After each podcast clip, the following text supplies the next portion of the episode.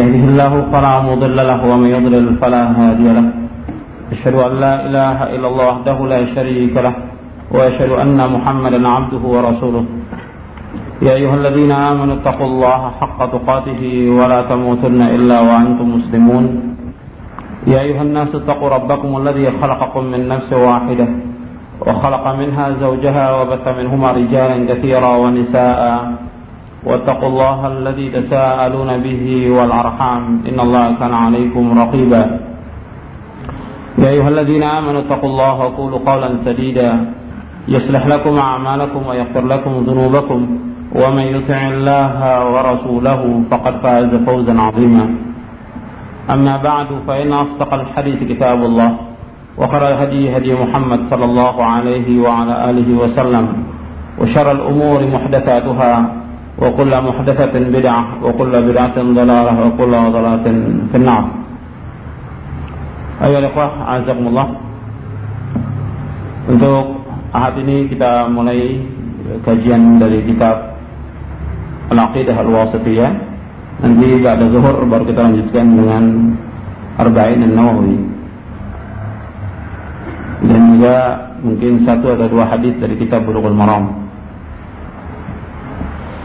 kita lanjutkan uh, dari kitab Tanbihat Al-Latifah.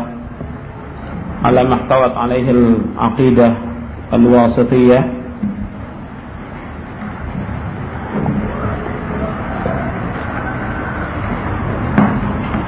yang terakhir kita membahas tentang wasatiyah ahli sunnah wal jamaah. Jadi wasatiyah ahli sunnah bainal firaq Jadi tentang pertengahannya atau keadilannya ahlu sunnah di antara firqah-firqah yang sesat atau yang menyimpang dari manhaj yang hak ini.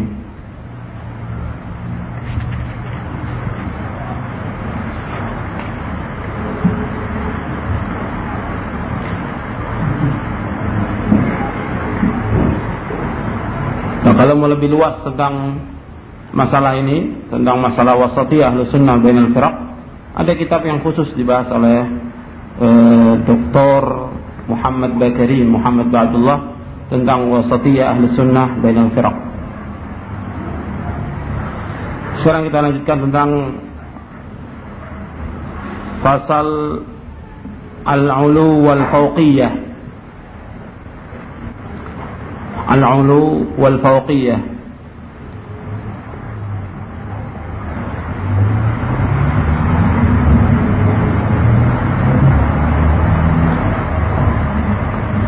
yaitu tentang isbat sifat istiwa al arsh.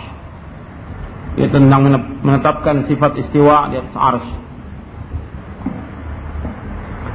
قال المصنف رحمه الله وقد دخل فيما ذكرناه من الايمان بالله الايمان بما اخبر الله به في كتابه وتواتر عن رسول الله عن رسوله وأجمع عليه سلف الأمة من أن الله سبحانه فوق سماواته على عرشه علي على خلقه وهو تعالى معهم أينما كانوا يعلم ما هم عاملون. كما جمع بين ذلك في قوله هو الذي خلق السماوات والأرض في ستة أيام ثم استوى على العرش. يعلم ما يلج في الأرض وما يخرج منها وما ينزل من السماء وما يعرج فيها وهو معكم أينما كنتم والله بما تعملون بصير.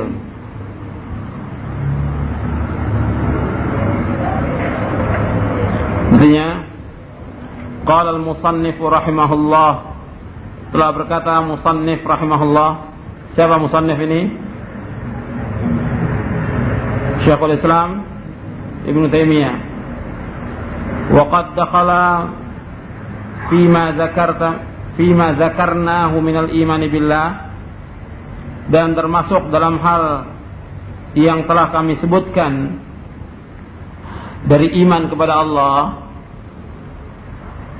al-imanu bima akhbarallahu bihi fi kitabihi.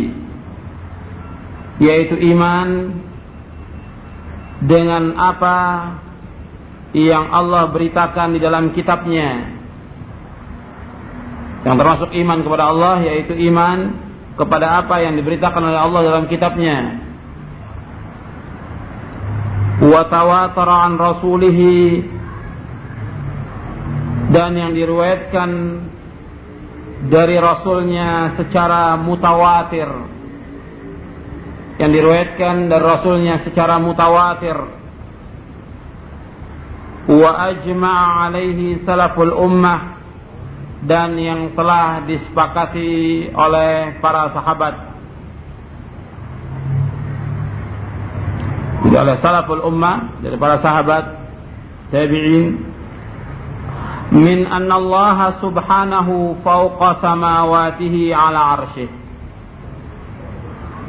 bahwasanya Allah subhanahu wa ta'ala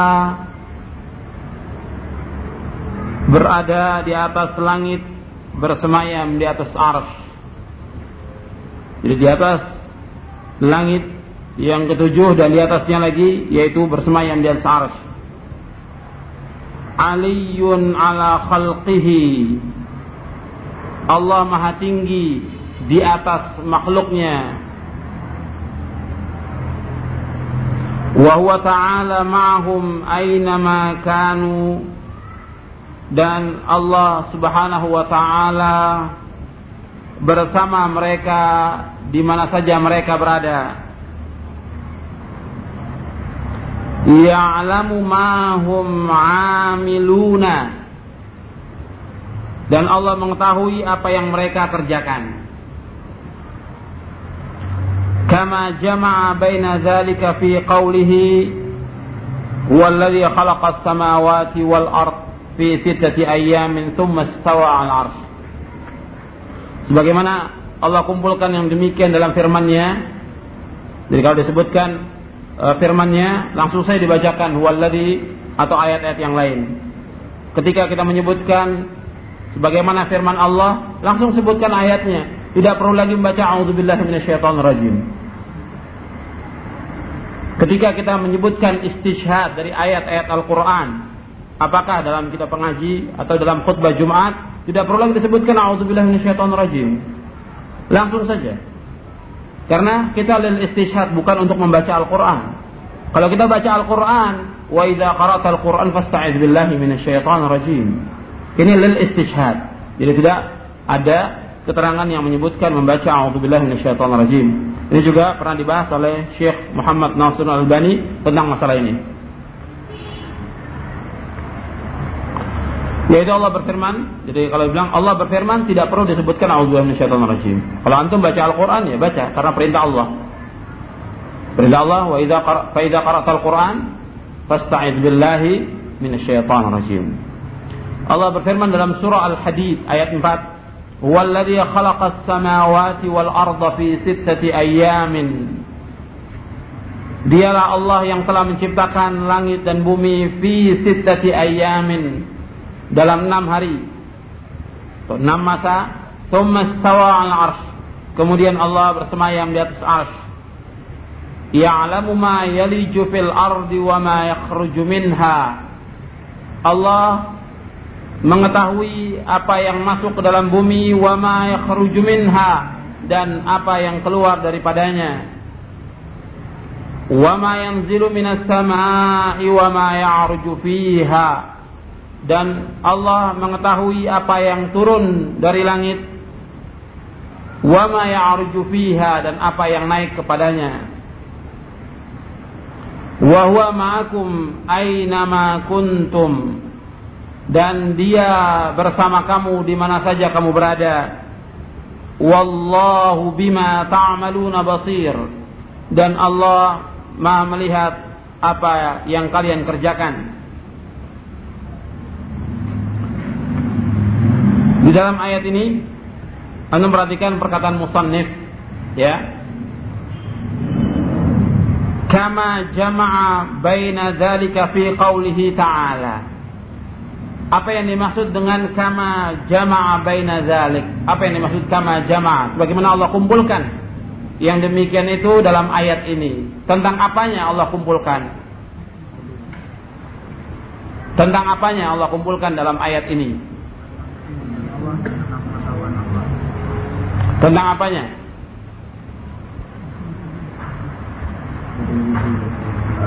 Siapa yang bisa jawab? Tentang apanya? Di sini yang dikumpulkan dalam ayat ini ya tentang Allah mengetahui ya. Yang kedua tentang Allah bersama kamu.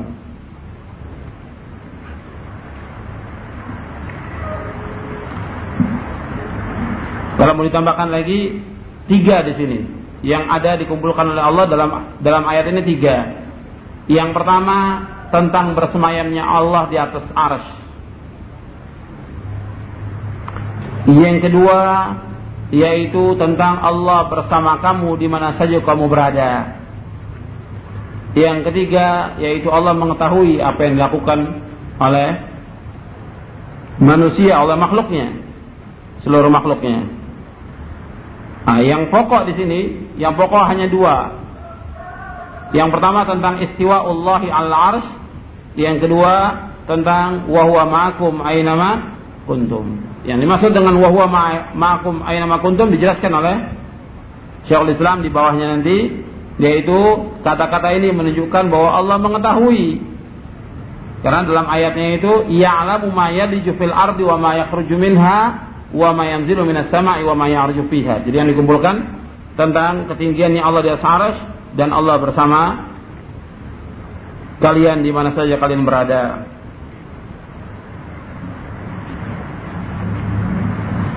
Kemudian dijelaskan di sini. Ma'na qawlihi wa huwa ma'akum annahu mukhtalitun بالخلق. فإن هذا لا توجبه اللغة وهو خلاف ما أجمع عليه سلف الأمة. Dan bukan makna firman Allah wa huwa ma'akum dan dia bersama kamu bahwasanya Allah itu mukhtalitun bil khalq Allah itu bercampur atau bersatu dengan makhluknya. Jadi bukan makna wahwa ma'akum Allah bersama kamu itu berarti Allah itu mukhtalitun bil khalq. Allah itu bersatu dengan makhluknya. Fa inna hadza la tujibuhul lughah. Karena hal ini tidak dibenarkan menurut bahasa. Perkataan yang seperti ini secara bahasa pun tertolak. Mengatakan ma'a, lafat ma'a itu artinya bercampur atau bersatu, secara bahasa tertolak. Nanti akan dicontohkan oleh Syaikhul Islam di sini. Yang kedua di sini wahwa khilafu ma ajma' alaihi salaful ummah. Dan bertentangan dengan apa yang sudah disepakati oleh salaful ummah.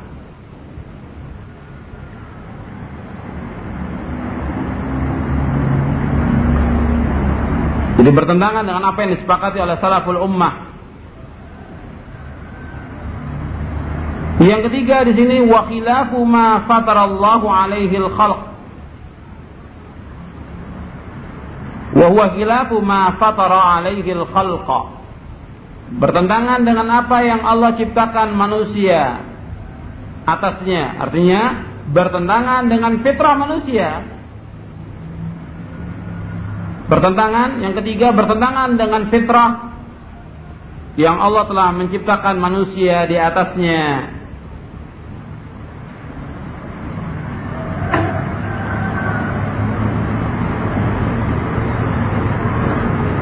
qamaru ayatun min ayatillahi min asghari makhluqatihi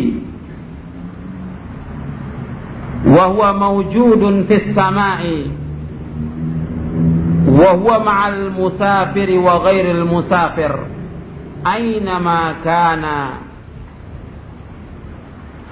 bahkan qamar yaitu bulan ini salah satu tanda dari tanda-tanda kekuasaan Allah. Min asghari makhluqatihi. Makhluk Allah yang paling kecil yang terdapat di langit. Dari semua makhluk Allah yang ada di langit yang paling kecil yaitu bulan. Dan bulan ini wahwa ma'al musafir wa ghairil musafir. Dia bersama musafir dan bukan musafir. Aina makana di mana saja ia berada. Arti kita berada di sini atau kita pergi keluar kota, umpamanya ke Bandung atau Surabaya, tetap bulan purnama itu bersama kita. Bukan berarti kita bersatu dengan bulan itu atau bergabung dengan bulan itu. Kita di sini ketika pertengahan bulan, ya, ayyamul bid umpamanya, bulan purnama, kita ada di sini atau kita ada di Bandung atau di Surabaya atau di mana saja, tetap bulan itu bersama kita. Tapi bukan berarti bahwa bulan itu bergabung dengan kita. Ini secara logah. Ma'iyah secara logah. Atau kita e, mengatakan mazilna nasir wal qamar ma'ana. Kita tetap berjalan dan bulan itu bersama kita. Bukan berarti bergabung atau bersatu. Ini saja sudah ditolak menurut bahasa. Mengertikan ma'iyah dengan artian bersatu, bercampur dengan makhluk, ini secara lugah pun ditolak. Kemudian secara ijma juga ditolak dan secara fitrah pun tidak bisa diterima. Kemudian di sini katakan wahwa subhanahu fauqal arsy raqibun ala khalqihi muhaiminun alaihim muttali'un ilaihim ila ghairi dzalika min ma'ani rububiyyatihi dan Allah Subhanahu wa taala berada atau bersemayam di atas arsy raqibun ala khalqihi. Allah mengawasi makhluknya muhaiminun alaihim. Muhaimin bisa juga diartikan mengawasi dengan arti raqib bisa juga diartikan muhaimin di sini artinya mutasallit artinya berkuasa atas mereka. Muttali'un ilaihim dan Allah memperhatikan mereka. Allah memperhatikan mereka. Ila ghairi dzalik min ma'ani rububiyyatihi dan selain dari itu dari makna rububiyahnya Allah. Jadi masalah ma'iyah ini ini yang harus di, diperhatikan banyak orang salah paham tentang masalah ma'iyah ini. Wa wa ma'akum aina ma kuntum banyak orang yang salah paham tentang masalah ini. Jadi harus diartikan seperti yang diartikan oleh salafus salih ridwanullah alaihim ajma'in jadi kalau ma'iyah diartikan bersatu ini tidak benar. Tidak benar. Dan penafsiran yang mengartikan bersatu ini penafsiran yang sesat. Seperti cara bahasa dalam Al-Quran banyak. Muhammadur Rasulullah walladzina ma'ahu. Kata ma'ahu, orang-orang yang bersama Rasulullah. Ma'ahu bersama Rasulullah. Bukan berarti bersatu para sahabat dengan Rasulullah. Atau bergabung menjadi satu. Tidak. Dalam Al-Quran banyak. Seperti warka'u ini Rukulah bersama orang yang ruku. Bukan berarti bersatu semuanya. Bergabung. Atau dalam ayat yang lain dalam surah Taubah. Wa kunu. Dan adalah kamu bersama orang-orang yang jujur. Yaitu bersama para sahabat. Bukan berarti ma'iyah di sini artinya bersatu. Kemudian dilanjutkan وكل هذا الذي ذكر الله من أنه فوق العرش وأنه معنى حق على حقيقته لا يحتاج إلى تحريف.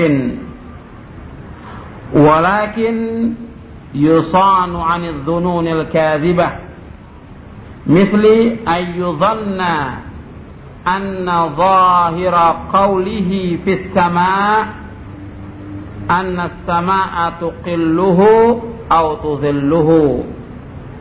Wa hadha batilun bi ijma'i ahli al-ilmi wal iman. Wa kullu hadha dan setiap yang disebutkan oleh Allah bahwasanya Allah berada di atas arsy dan Allah bersama kita Allah di atas arsh. Dan Allah bersama kita hakun ala hakikatihi ini hak dan kita tafsirkan menurut hakikatnya. La yahtaju ila tahrif. Dan tidak butuh kepada tahrif. Apa tahrif itu? Hmm? taghyirul makna atau taghyirul alfaz merubah makna atau merubah lafaz kepada makna yang tidak benar atau kepada lafaz yang tidak benar. Ini tahrif.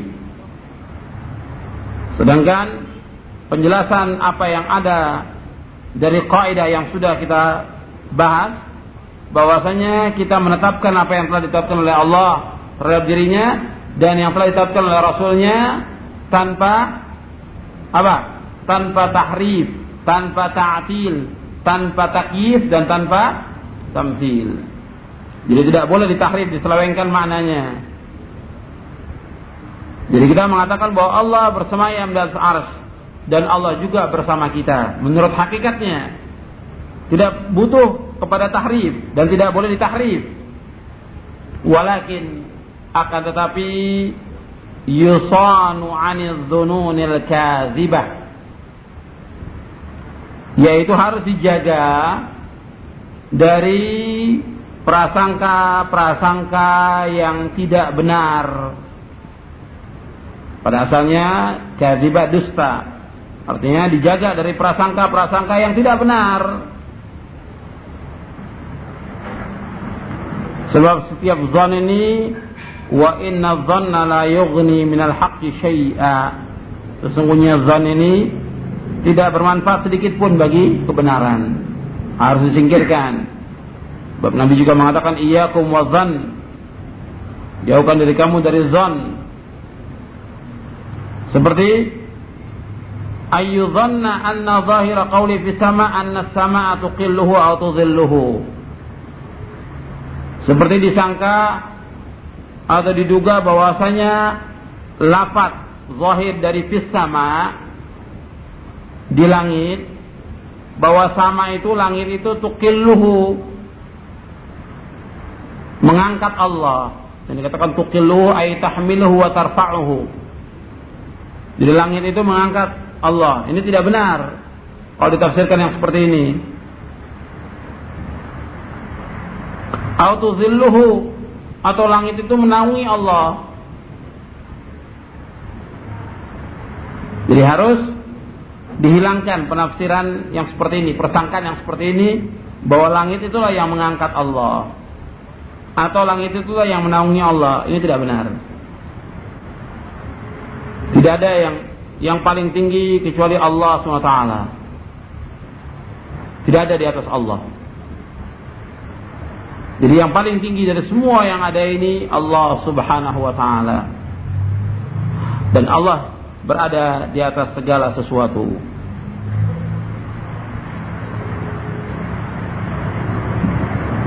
Kemudian juga kalau ada yang menafsirkan bahwa kata-kata fis sama itu artinya di dalam langit juga tidak benar. Ini sudah kita bahas sebelumnya. Di halaman-halaman sebelumnya sudah kita bahas tentang mana fis sama itu artinya di atas langit. Seperti juga contohnya seperti irhamu man fil ardi yarhamkum man fis sama. Sayangilah makhluk yang fil ardi di bumi bukan berarti dalam bumi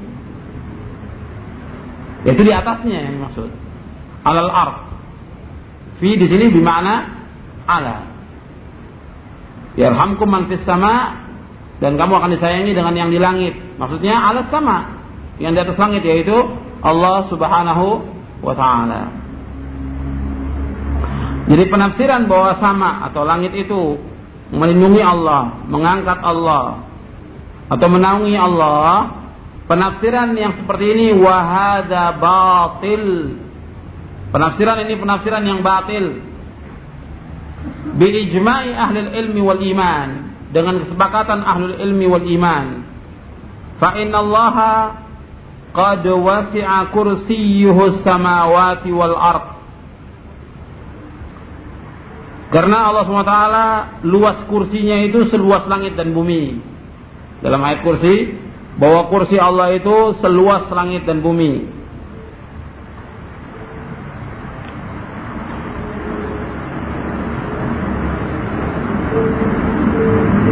Jadi kalau dibandingkan antara langit bumi dengan kursinya Allah itu tidak seberapa kecil. Kursi Allah itu tempat injakannya kaki Allah. Maksudnya bagaimana mungkin langit itu yang mengangkat Allah atau menaungi Allah? Sedangkan injakannya kaki Allah itu seluas langit dan bumi. Jadi penafsiran yang mengatakan bahwa Allah di langit itu artinya Allah dilindungi oleh langit atau diangkat oleh langit ini tidak benar karena kursinya Allah ya seluas langit dan bumi. Kemudian juga dalam ayat yang lain dalam surah Fatir ayat 41 Allah berfirman, "Wa huwallazi yumsiku samawati wal arda an tazula." Jadi Allah yang menahan langit dan bumi antazula supaya tidak lenyap. Jadi Allah yang menahan dan memegang langit dan bumi ini supaya tidak lenyap. Jadi langit dan bumi ini dalam genggaman tangan Allah. Wa yumsiku sama'an taqa'al ardi illa biiznih. Dan Allah yang menahan atau memegang langit supaya tidak jatuh ke bumi illa biiznih. Kecuali dengan izin Allah. Wa min ayatihi an taquma as-sama'u wal ardu illa bi amrih.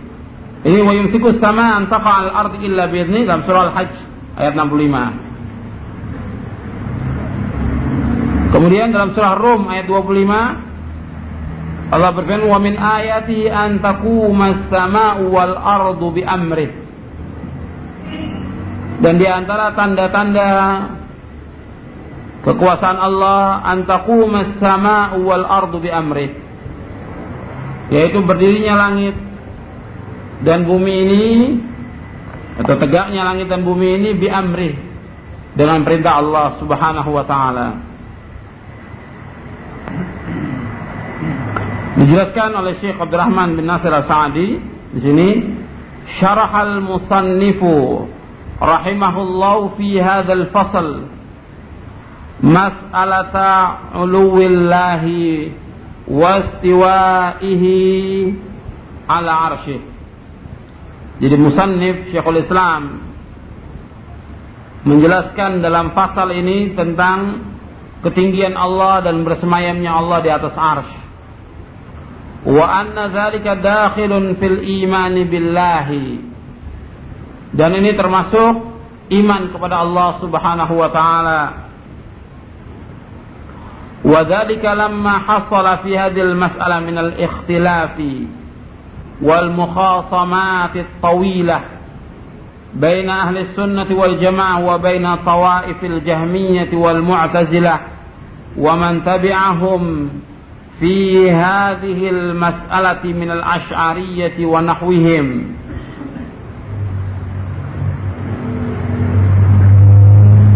bahwasanya masalah ini dibahas oleh Syekhul Islam karena masalah ini masuk ke dalam rukun iman, iman kepada Allah. Dan yang demikian ini beliau masukkan tatkala terjadi dalam masalah ini ikhtilaf wal mukhasamat dan pertentangan yang panjang. Antara ahli sunnah wal jamaah dengan golongan atau aliran dari Jahmiyah dan Mu'tazilah. Dan yang mengikuti mereka dalam masalah ini dari golongan Asy'ariyah dan yang sepertinya seperti Asy'ariyah yaitu Maturidiyah dan yang lainnya. Jadi ditulis oleh Syekhul Islam masalah ini termasuk rukun iman kepada Allah SWT. Karena adanya ikhtilaf dan pertentangan yang panjang antara Ahlussunnah dengan Jahmiyah, Mu'tazilah dan yang lainnya yang mereka tidak percaya tentang Allah itu fis sama. Atau mereka mentakwilkan tentang makna Allah itu fis sama Jadi ada yang mengingkari seperti Jahmiyah, ada yang mentahrif.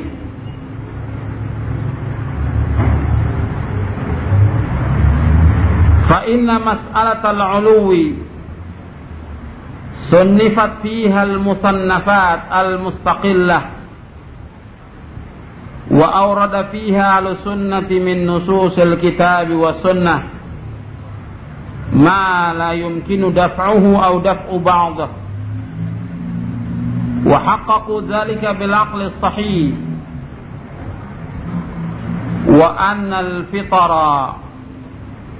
والعقول معترفة بل ومضطرة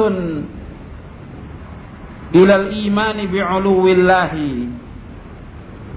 إلا من غيرت fitratahul aqaidul batilah tentang masalah ulu. Masalah ulu atau tingginya Allah di langit. Bersemayam di atas telah ditulis. Beberapa tulisan atau buku yang tersendiri yang dibawakan padanya oleh ahlu sunnah nas-nas dari Al-Quran dan sunnah Jadi dibawakan oleh ahlu sunnah di dalam kitab ini nas-nas dari Al-Quran dan Sunnah yang tidak mungkin ditolak atau tidak mungkin juga ditolak sebagiannya. Jadi nas-nas dari Al-Quran dan Sunnah ini menunjukkan bahwa Allah itu fis sama. Allah itu maha tinggi di atas makhluknya. Tidak mungkin ditolak dan tidak mungkin juga ditolak sebagiannya. Wahaqqaqu zalika bil aqli sahih dan mereka wujudkan, mereka tahqiq dan mereka wujudkan juga dengan akal yang sahih dan fitrah dan akal mengakui bahkan meyakini tentang iman Allah itu berada di atas. Di akal ini mengakui dan semuanya didorong untuk mengimani tentang Allah itu di atas, bersama kecuali orang-orang yang sudah dirubah fitrahnya, sudah rusak fitrahnya. Oleh apa? Oleh akidah yang batil. Jadi kalau sudah fitrahnya rusak dengan akidah yang batil, maka dia beranggapan bahwa Allah itu ada di mana-mana. Atau mengatakan bahwa Allah itu bersatu dengan makhluknya Orang yang berpendapat seperti ini menurut Imam atau Imamul A'immah Ibn Khuzaimah dalam kitab Tauhid beliau berpendapat bahwa orang yang berpendapat bahwa Allah itu ada di mana-mana dan dia meyakini Allah itu bersama termasuk kafir. Dan dibawakan lagi lebih daripada itu.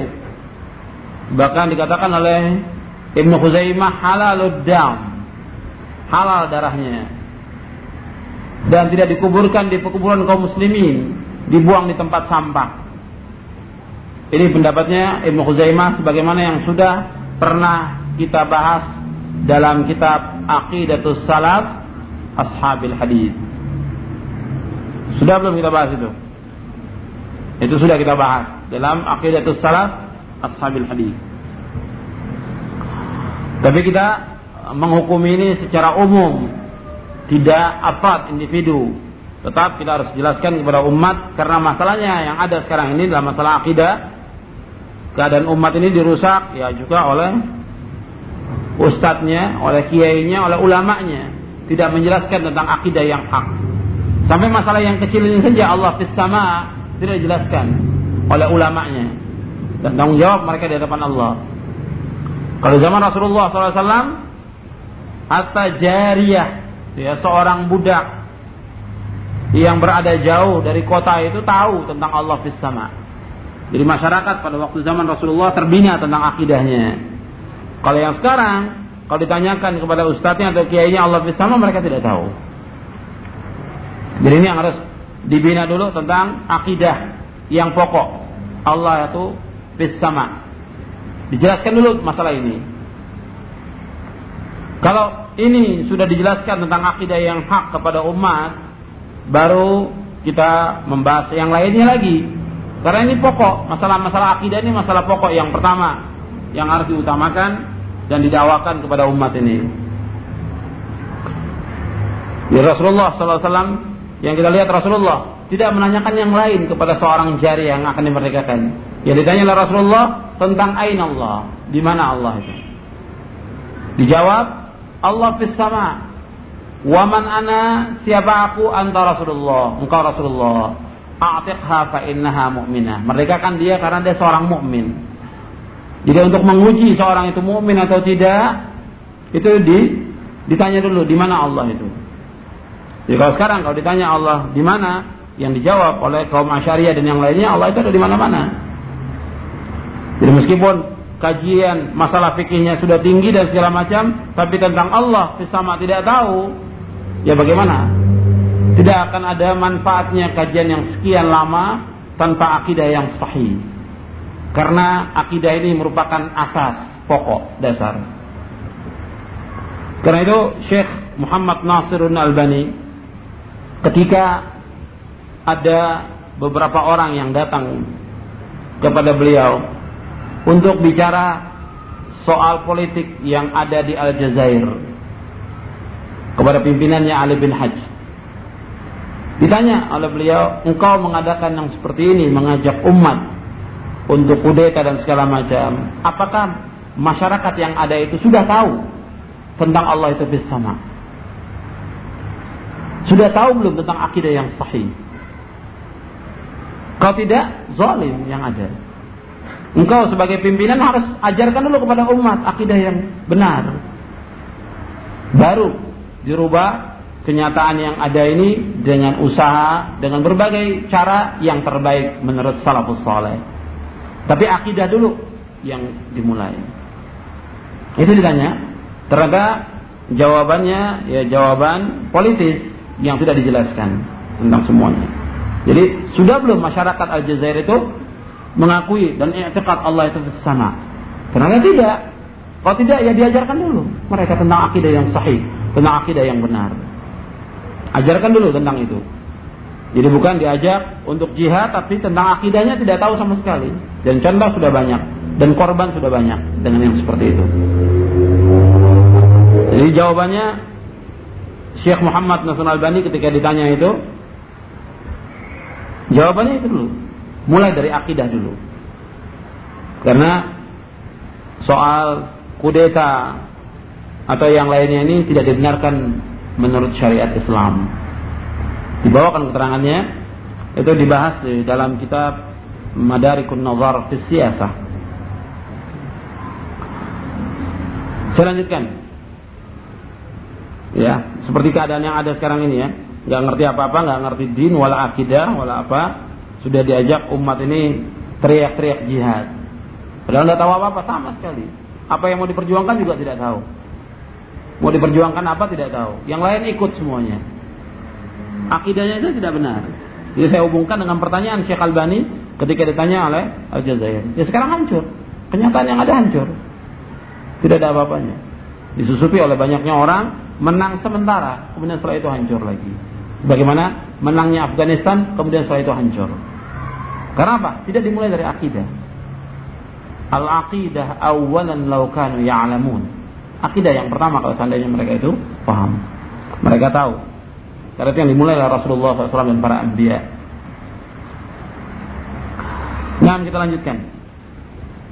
وقد بين المصنف في هذا الموضوع الجمع بين الإيمان بعلو الله وقد بين المصنف في هذا الموضوع الجمع الجمع بين الإيمان بعلو الله وإثبات معيته وعلمه المحيط وحققه في كلام واضح مبين بالأمثلة المقربة للمعاني بما لا مزيد عليه Jadi musannif menjelaskan dalam maudhu ini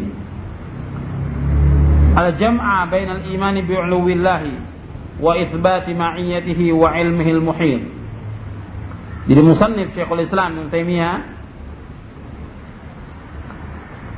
menjelaskan maudhu ini menggabungkan antara iman bi'uluwillah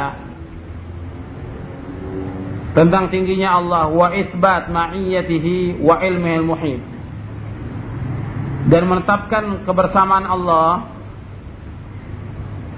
dan ilmunya yang meliputi wa haqqaqahu dan beliau tahqiq dengan perkataan yang jelas, yang terang dengan contoh-contoh yang mendekatkan kepada makna yang tidak perlu lagi ditambah. Jadi beliau jelaskan dengan perkataan yang jelas, yang terang, dengan contoh-contoh yang dapat dipahami. Yang tidak perlu lagi ditambah. Ya seperti dicontohkan tentang bulan. Bulan berada di langit bersama kita dan bersama musafir.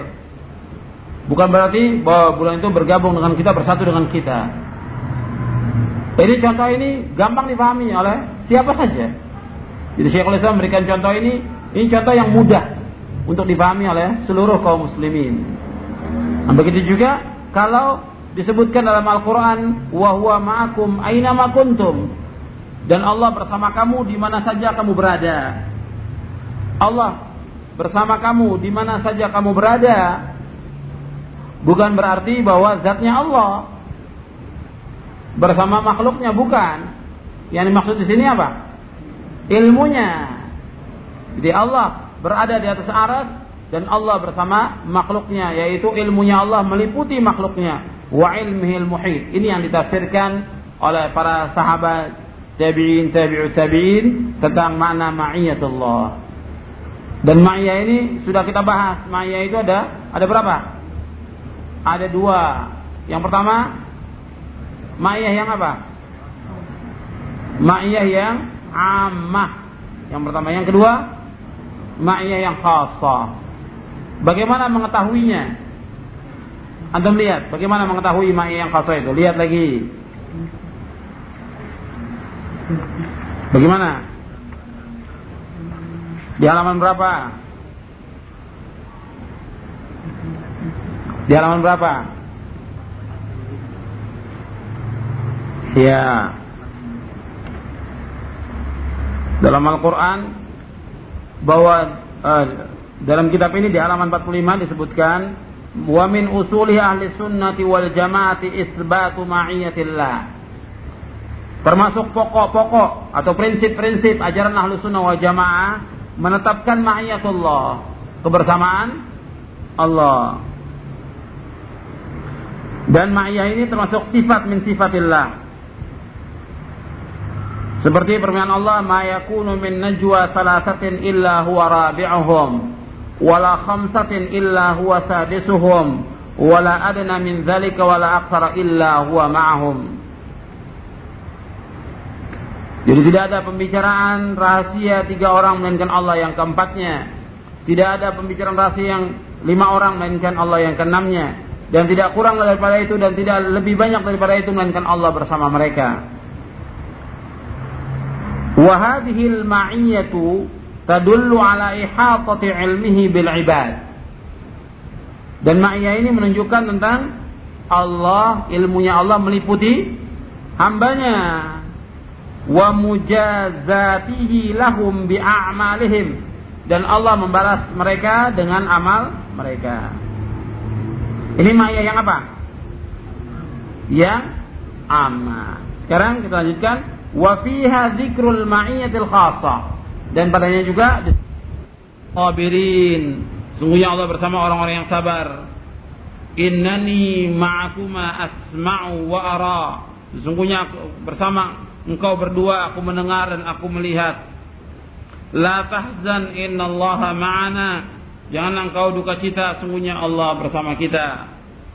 Nah, di sini bagaimana untuk mengetahuinya? Wa idza aradta an ta'rifa hadzal halil murad al-ma'iyyah amma khassa apabila engkau ingin mengetahui halaman 46 apabila engkau ingin mengetahui tentang ma'iyah itu apakah itu ma'iyah yang khusus atau yang umum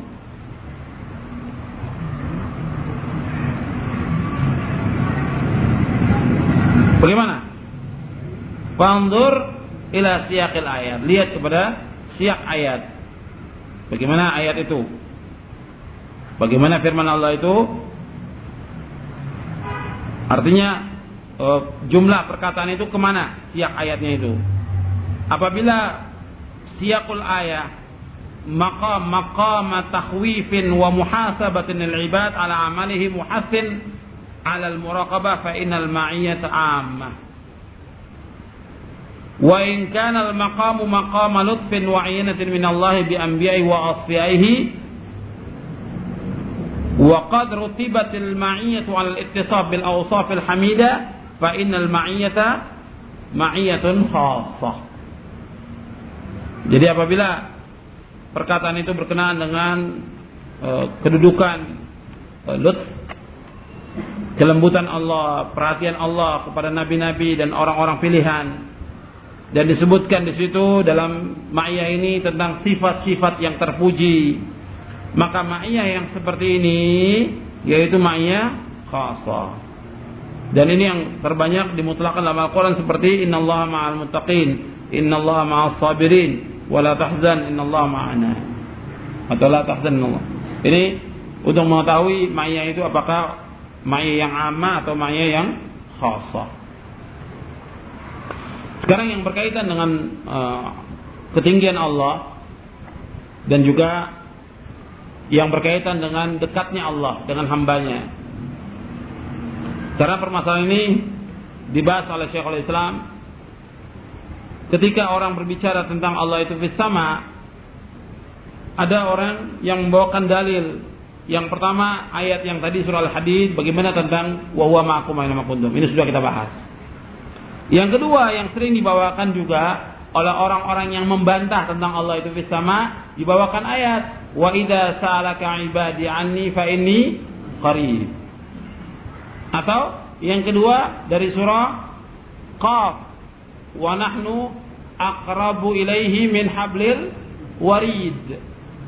Ini juga yang sering dibawakan. Maka sekarang dibahas oleh Syekhul Islam apa yang dimaksud dengan Allah itu dekat. Qala al-musannif rahimahullah wa qad dakhala fi dzalika al-imanu bi annahu qaribun mujib kama jama'a baina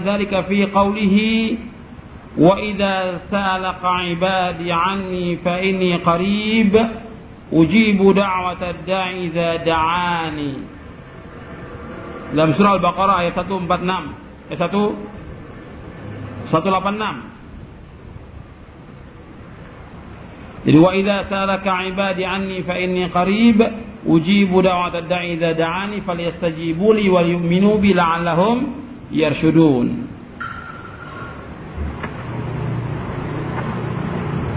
Musannif rahimahullah berkata, wa qad dakhala dan masuk juga dalam pembicaraan iman kepada Allah SWT yaitu iman bahwasanya Allah itu qarib Allah itu dekat mujib Allah itu memenuhi panggilan hambanya, memenuhi doa hambanya. Kama jama'a baina dzalika fi qouli ta'ala sebagaimana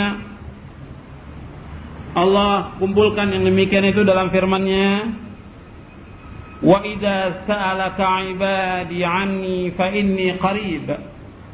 Dan apabila hamba-hambaku bertanya kepadamu anni tentang aku fa inni qarib. Sesungguhnya aku dekat.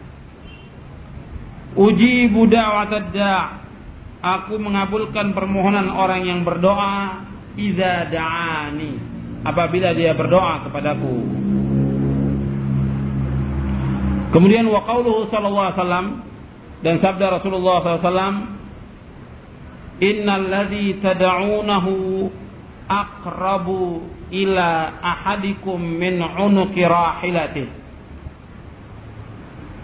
Sesungguhnya Allah yang engkau berdoa kepadanya lebih dekat kepada kalian. Min unuqi rahilati. Dari leher tunggangannya. Tapi rahilati yaitu dari leher unta yang dia tunggangi.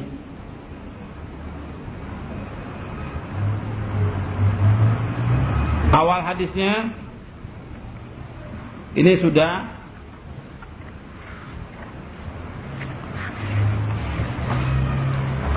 awal hadisnya itu hadis yang keberapa?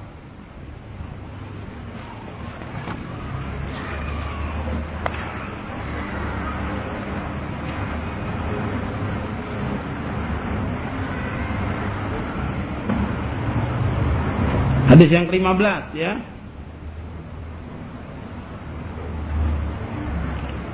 Ya. Yang ke-15, tidak ada di situ ya. Hadis yang ke-15 di halaman 58. Yang antum catat itu loh. Lama rafa'a sahabatu aswatahum bizikir Ya ayuhan nas irba'u ala anfusikum fa innakum la tad'una asamma wala ghaiba innama tad'una sami'an basira qariba innal ladhi tad'unahu aqrabu ila adikum min 'unuqi rahilatihi rawahul bukhari wa muslim wa ghairuhuma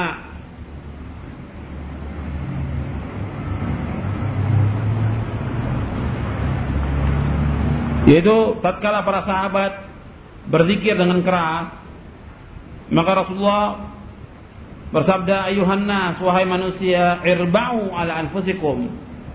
Irba'u artinya sayangilah diri kalian, kasihanilah diri kalian. Fa innakum la tad'una asamma wala ghaiba. Sungguhnya kalian tidak berdoa kepada yang tuli dan yang gaib Innama tad'una sami'an basira qariba. Sesungguhnya kalian berdoa kepada Allah yang Maha mendengar, Maha melihat dan dekat.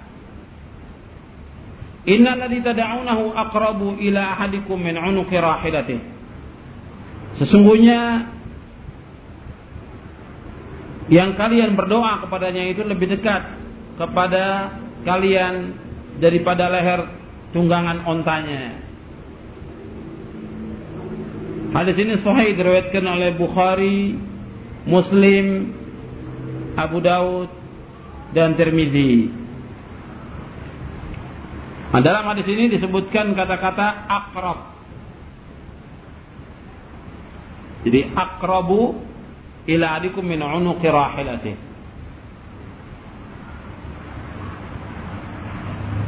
Dalam ayat yang tadi disebutkan qarib ya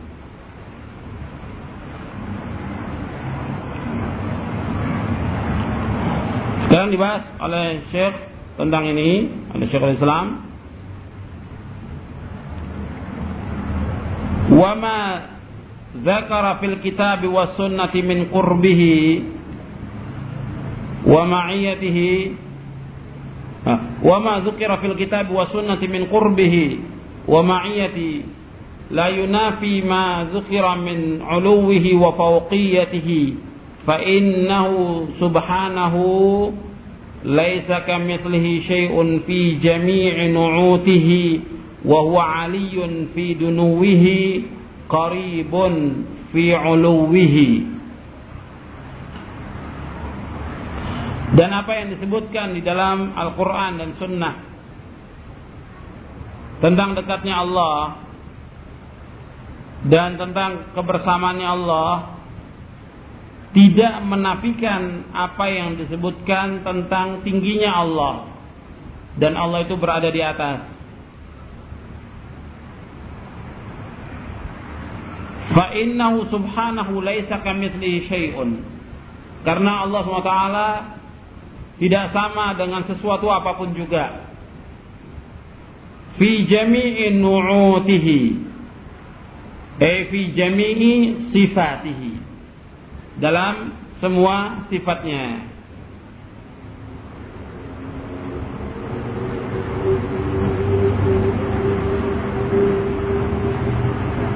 Wa huwa fi dunuwihi dan dia maha tinggi dalam kedekatannya qaribun fi uluwihi dan dekat dalam ketinggiannya artinya meskipun Allah itu di atas maha tinggi tetap Allah itu dekat dengan hambanya. Dan meskipun dikatakan Allah itu dekat dengan hambanya Allah tetap di atas. Bersemayam di atas arsh. Jadi kalau dua ini saja ini bisa dipahami, ini akan hilang sangkaan-sangkaan yang tidak benar yang sering dibawakan dalil oleh sebagian orang tentang masalah ini. Jadi penafsiran Allah itu sama bagaimana dengan ayat wa huwa ma'akum aina kuntum dan bagaimana dengan ayat wa idza sa'alaka 'ibadi anni fa inni qarib ujibu da'watad da'i idza da'ani falyastajibu li wa yu'minu bi la'allahum yarshudun. Ini akan akan terjawab. Atau orang mengatakan tentang ayat wa nahnu aqrabu ilaihi minkum walakin la tubsirun. Itu dalam surah Al-Waqiah. Yang dalam surah Qaf itu gimana? Wa nahnu aqrabu ilaihi min hablil warid. Wa nahnu aqrabu ilaihi min hablil warid. Wa nahnu aqrabu ilaihi min hablil warid. Ini yang dimaksudkan adalah malaikatnya.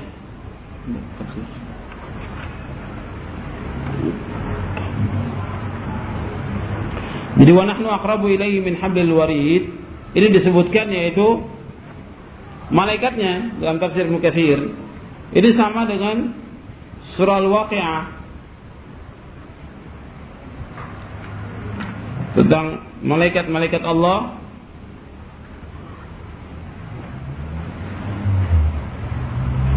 wa nahnu aqrabu ilaihi minkum walakin la tubsirun dan kami lebih dekat kepadanya dari kalian walakin la tubsirun akan tapi kalian tidak tidak melihat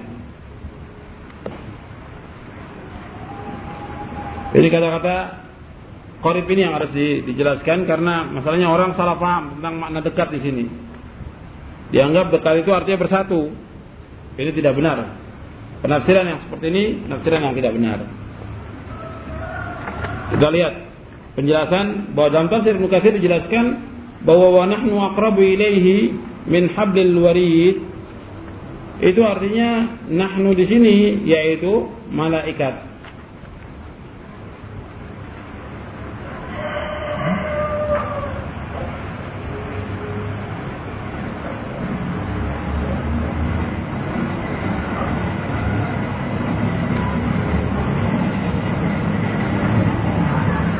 Di sini jelaskan Al-Hafiz Ibnu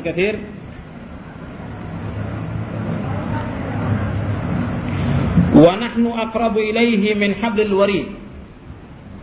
Dan kami lebih dekat kepadanya min hablil warid dari urat lehernya. Jadi urat uh, nadi yang ada di lehernya ini yakni yang dimaksud malaikatahu, malaikat-malaikatnya. Yakni malaikatahu ta'ala aqrabu ilal insan min habli waridihi ilaihi. Yaitu malaikat-malaikatnya lebih dekat kepada manusia dari urat lehernya dia sendiri.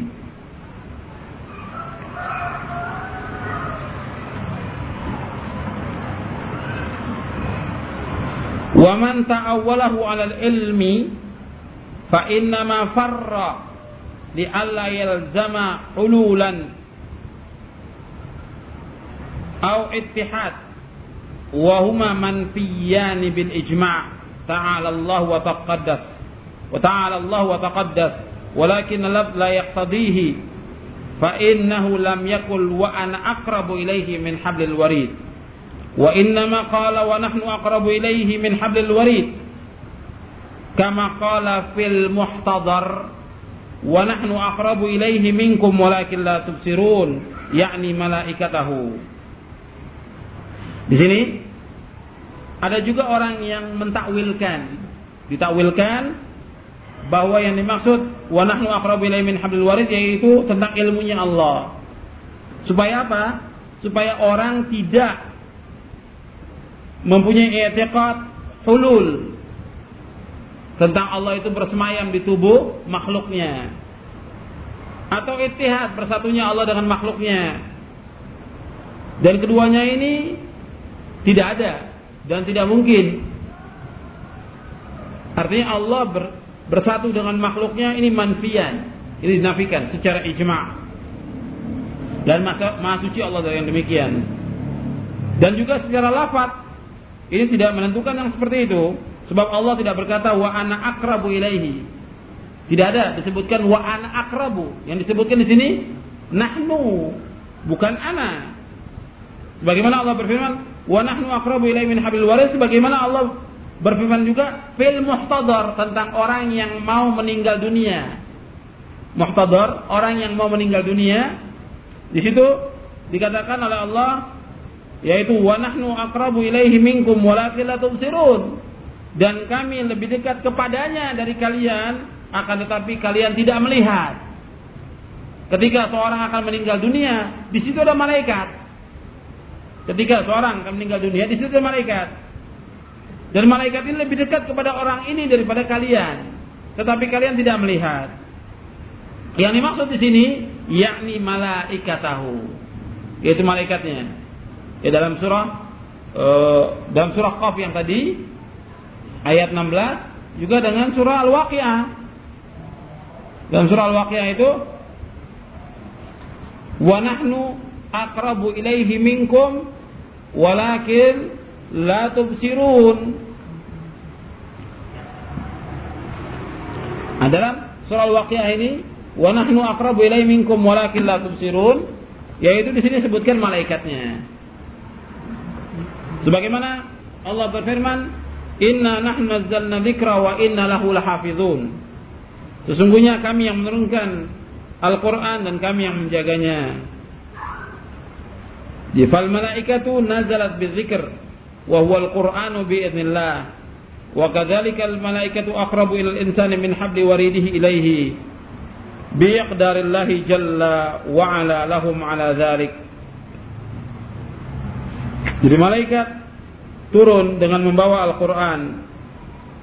Al-Zikir dan itu Al-Quran dengan izin Allah. Demikian juga malaikat ini lebih dekat kepada manusia dari urat lehernya.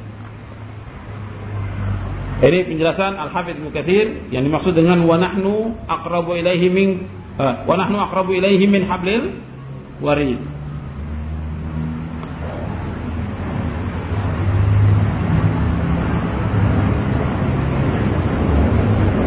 Sampai sini bisa paham ya?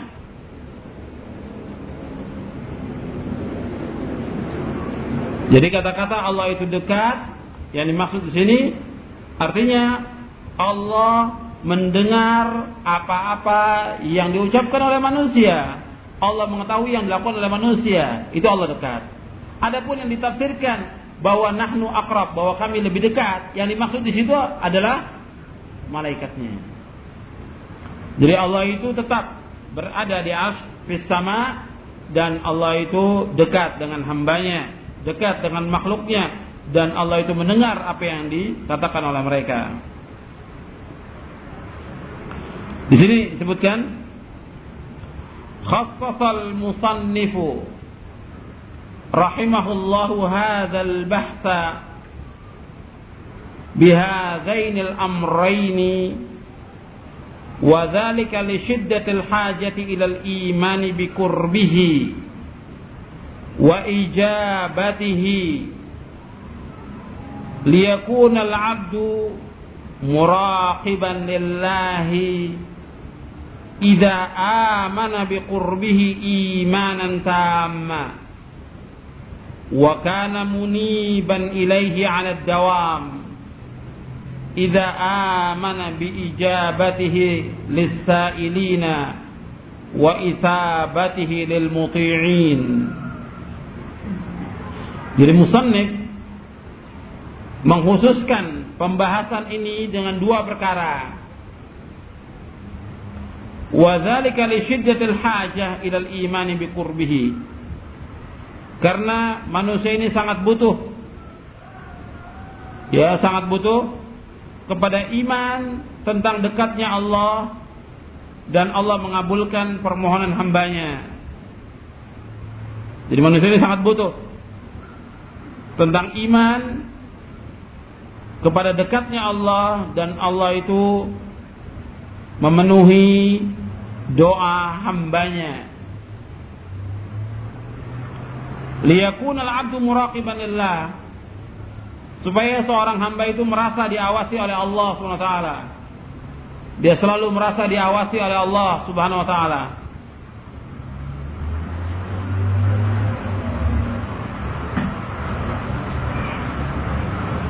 Iza amana biqurbihi imanan tama. Apabila dia beriman tentang dekatnya Allah dengan iman yang sempurna. Wa kana muniban ilaihi 'ala dawam.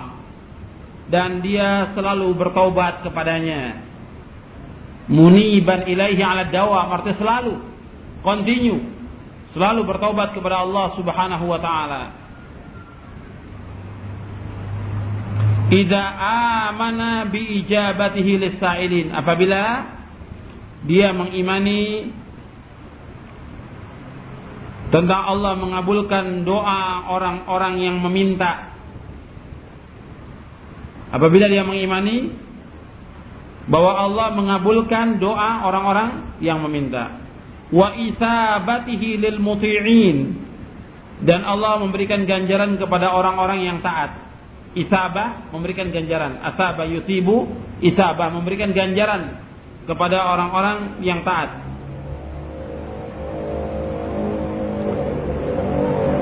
Jadi di sini dijelaskan oleh muallif atau musannif kalau manusia ini memahami bahwa Allah itu dekat dan dia mengimani bahwa Allah itu dekat maka yang pertama, kalau dia mengiman yang demikian, dia akan selalu merasa diawasi oleh Allah SWT. Ini manfaat yang pertama.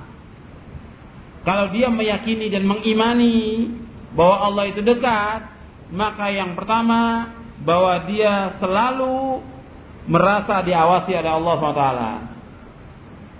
Jadi muraqabatullah Yang kedua, kalau dia mengimani bahwa Allah itu mengabulkan permintaan orang-orang yang meminta kepadanya dan mengganjar orang-orang yang berbuat ketaatan, maka dia akan selalu bertaubat kepada Allah Subhanahu wa taala. Continue dia bertobat kepada Allah. Dan di samping itu juga dia selalu berdoa kepadanya. Ini manfaat tentang ayat ini, ayat wa idza sa'alaka 'ibadi 'anni fa inni qarib. Jadi kita selalu merasa diawasi oleh Allah. Kemudian kita selalu bertobat kepada Allah dan kita selalu mengerjakan ketaatan kepadanya yang ketiga. Jadi manfaatnya yang pertama dengan iman kepada dekatnya Allah kita selalu merasa diawasi oleh Allah sehingga kita hati-hati dalam berbuat ini.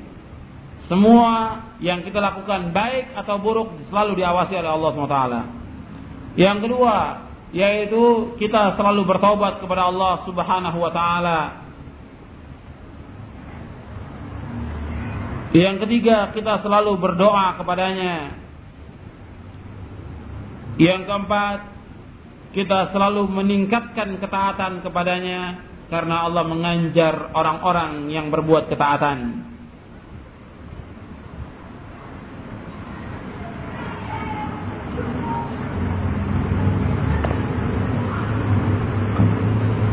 Kemudian kita lanjutkan.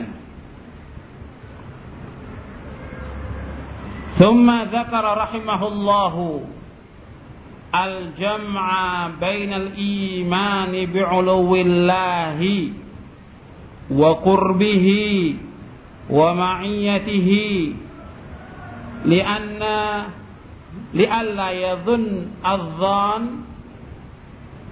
أن ذلك mithla sifatil makhluqin. Kemudian Syekh rahimahullah menggabungkan antara iman tentang tingginya Allah dan iman tentang dekat dan bersamanya Allah supaya orang tidak menyangka supaya orang tidak menyangka bahwa yang demikian itu seperti sifat makhluk.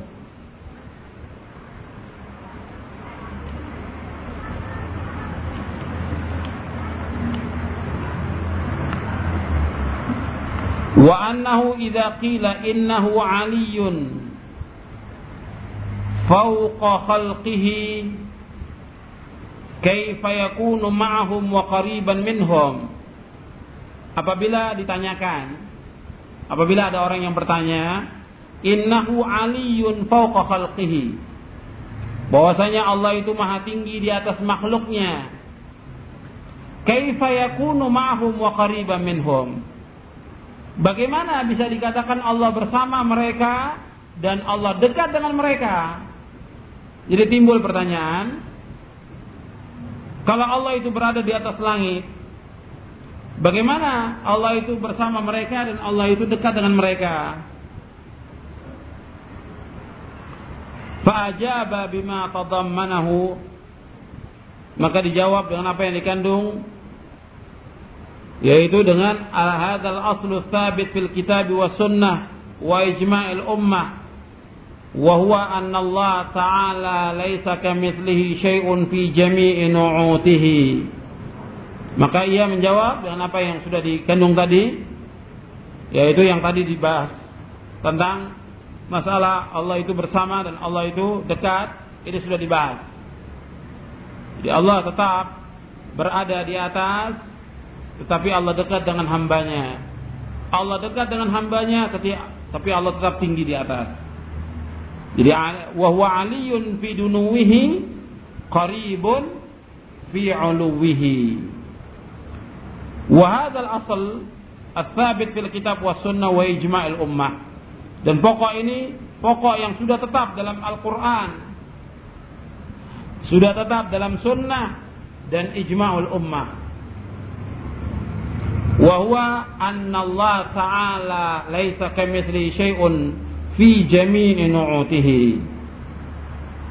Dan bahwasanya Allah itu tidak sama dengan sesuatu apa pun juga dalam semua sifatnya. Jadi nggak bisa disamakan dengan manusia. Kalau manusia mungkin orang bingung bagaimana dia berada jauh tapi dekat. Itu kalau manusia. Tapi kalau Allah berbeda dengan makhluknya, laisa kamitsli syai'un wa samiul basir. Jadi jangan dia menduga dengan perkiraan-perkiraan yang tidak benar. Dengan sangkaan-sangkaan yang dusta. Jadi harus dihilangkan yang demikian itu. Wa min nu'utihi lazimah al-uluwul mutlaq wal qurbul 'am wal khas.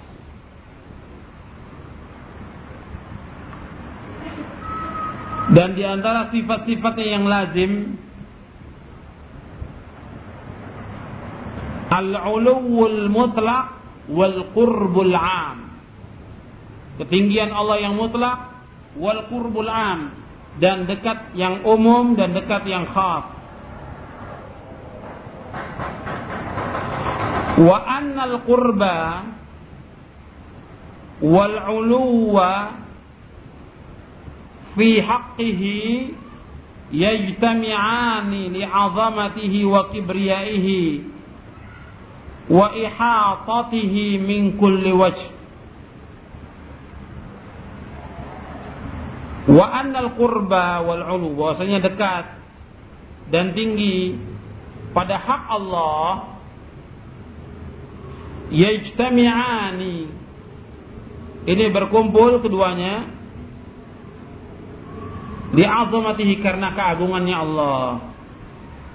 Wa kibriyaihi dan kebesarannya Allah. Wa ihatatihi min kulli wajh dan Allah itu meliputi segala sesuatu. Fahuwal aliyu fi dunuwihi al-qaribu fi uluwihi. Dan Allah itu maha tinggi dalam kedekatannya dan Allah itu dekat dengan ketinggiannya.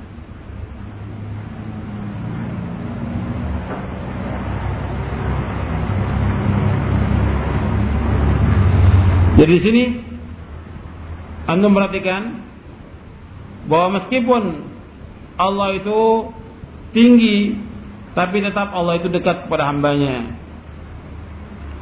meskipun dikatakan Allah dekat tapi Allah tetap tinggi di atas dan ini berkumpul pada di, pada zat Allah ini karena keagungannya karena kebesarannya dan juga Allah itu meliputi segala sesuatu ya tidak bisa disamakan dengan manusia bagaimana dekat itu bisa dikatakan jauh jauh itu bisa dikatakan dekat ini nggak bisa. Allah Allah maha tinggi, tapi Allah juga dikatakan dekat. Ini tidak sama dengan makhluknya. Kemudian di dalam penjelasan Syekh Abdurrahman bin Nasir Sa'di di sini bahwa al-qurbu itu ada dua. Apa di sini? Al-qurb dekat itu ada dua di sini. Apa? Kurbun am dan kurbun khas. Kalau kurbun am yaitu Allah itu dekat dengan seluruhnya. Jadi Allah dekat dengan seluruh makhluknya. Ini kurbun am. Berarti Allah mengetahui meliputi segala sesuatu. Ini yang dikatakan kurbun am. Kalau kurbun khas yaitu Allah memenuhi doa orang yang berdoa atau Allah mengganjar orang-orang yang taat. Ini dikatakan kurbun khas.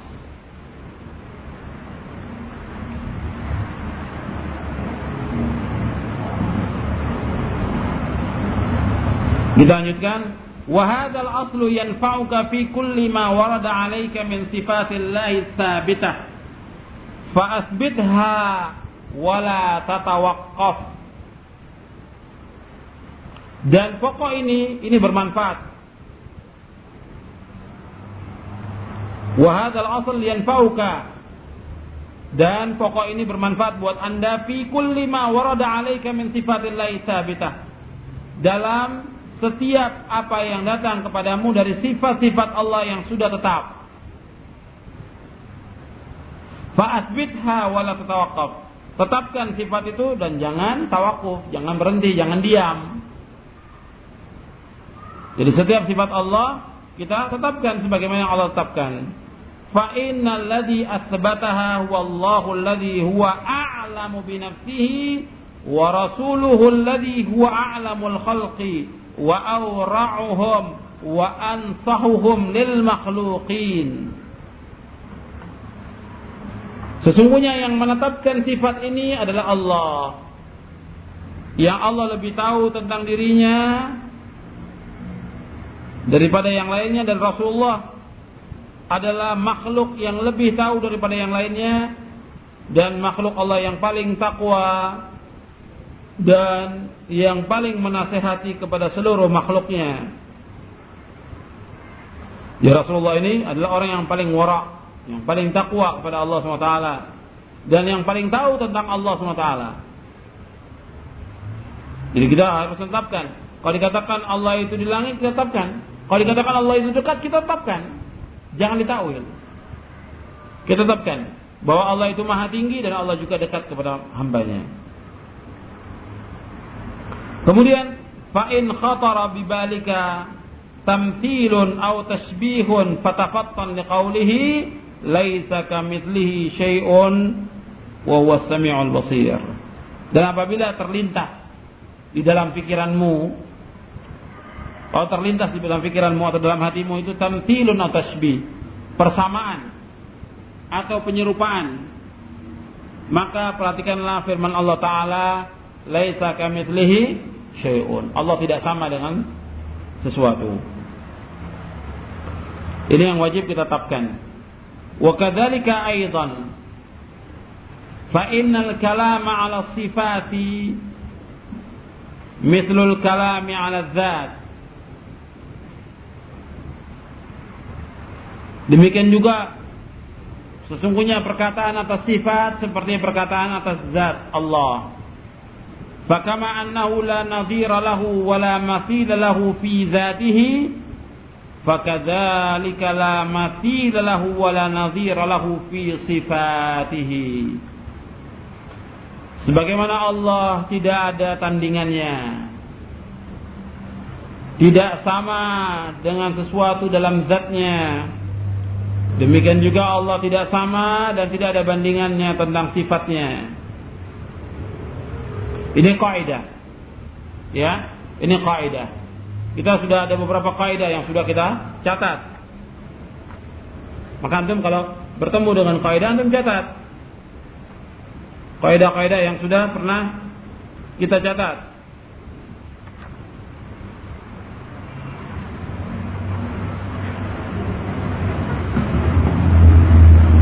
Di antaranya yang sudah kita lewati kaidah-kaidah itu yaitu menetapkan sifat Allah.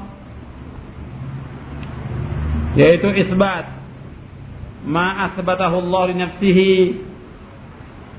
Atau asbatahu lahu rasuluhu min ghairi tahrifin wala ta'tilin wala taqyifin wala tamthil.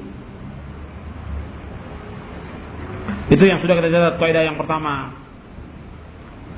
Kaidah yang kedua yang kita sudah itu masih halaman-halaman yang pertama ya. Masih awal itu. Masih halaman 19, 20 itu ada dua kaidah yang sudah kita catat waktu itu. Yang pertama isbatu ma asbatahu Allah li nafsi fi kitabi aw asbatahu lahu rasuluhu min ghairi tahrifin wala ta'tilin wala takyifin wala tamthil.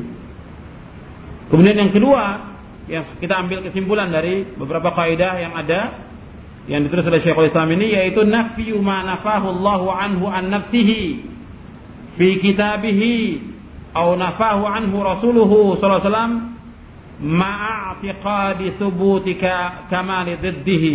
lillahi ta'ala itu dua kaidah yang sudah kita catat menafikan apa-apa yang dinafikan oleh Allah dari dirinya di dalam kitabnya atau yang dinafikan oleh Rasulnya dengan i'tiqad, dengan keyakinan tetapnya kesempurnaan dari lawannya. Jadi kalau disebutkan bahwa Allah itu tidak lelah, berarti Allah itu kuat. Jadi menetapkan lawan dari sifat itu. Tubut kamali dzatihi. Kalau disebutkan bahwa Allah itu tidak ngantuk dan tidak tidur, berarti Allah itu berdiri dengan sendirinya dan Allah hidup selama-lamanya. Menetapkan sifat yang sempurna bagi Allah SWT. Itu kaidah yang sudah kita catat.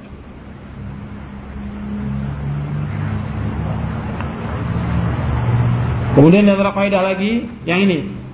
Yang ketiga ini yaitu fa innal kalama 'ala sifati mithlul kalami ala zat. Jadi pembicaraan atas sifat seperti pembicaraan kita atas zat Allah.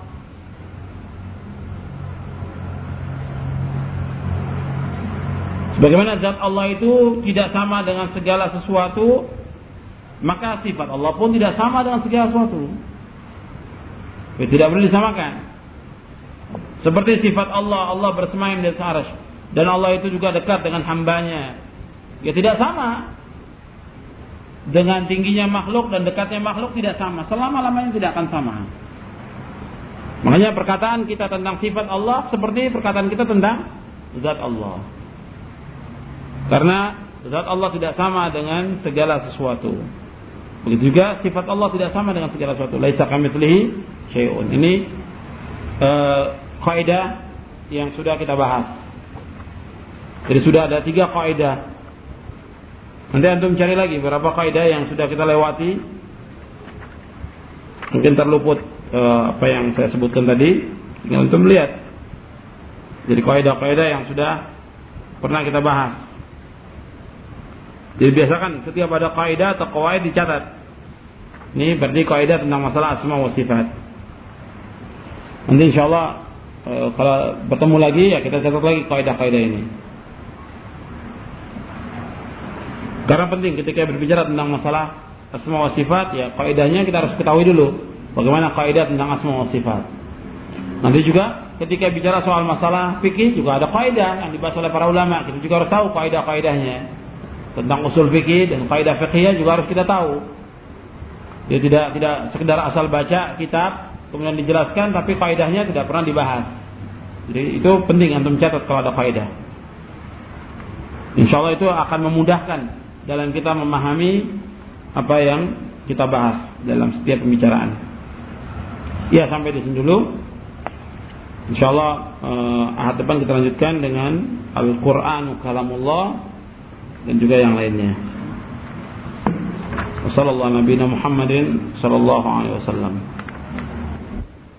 الله الذي خلق السماوات والأرض وما بينهما في ستة أيام ثم استوى على العرش ما لكم من دونه من ولي ولا شفيع أفلا تتذكرون يدبر الأمر من السماء إلى الأرض ثم يعرج إليه في يوم كان مقداره ألف سنة مما تعدون. ذلك علم الغيب والشهادة العزيز الرحيم. الذي أحسن كل شيء خلقه وبدأ خلق الإنسان من دين ثم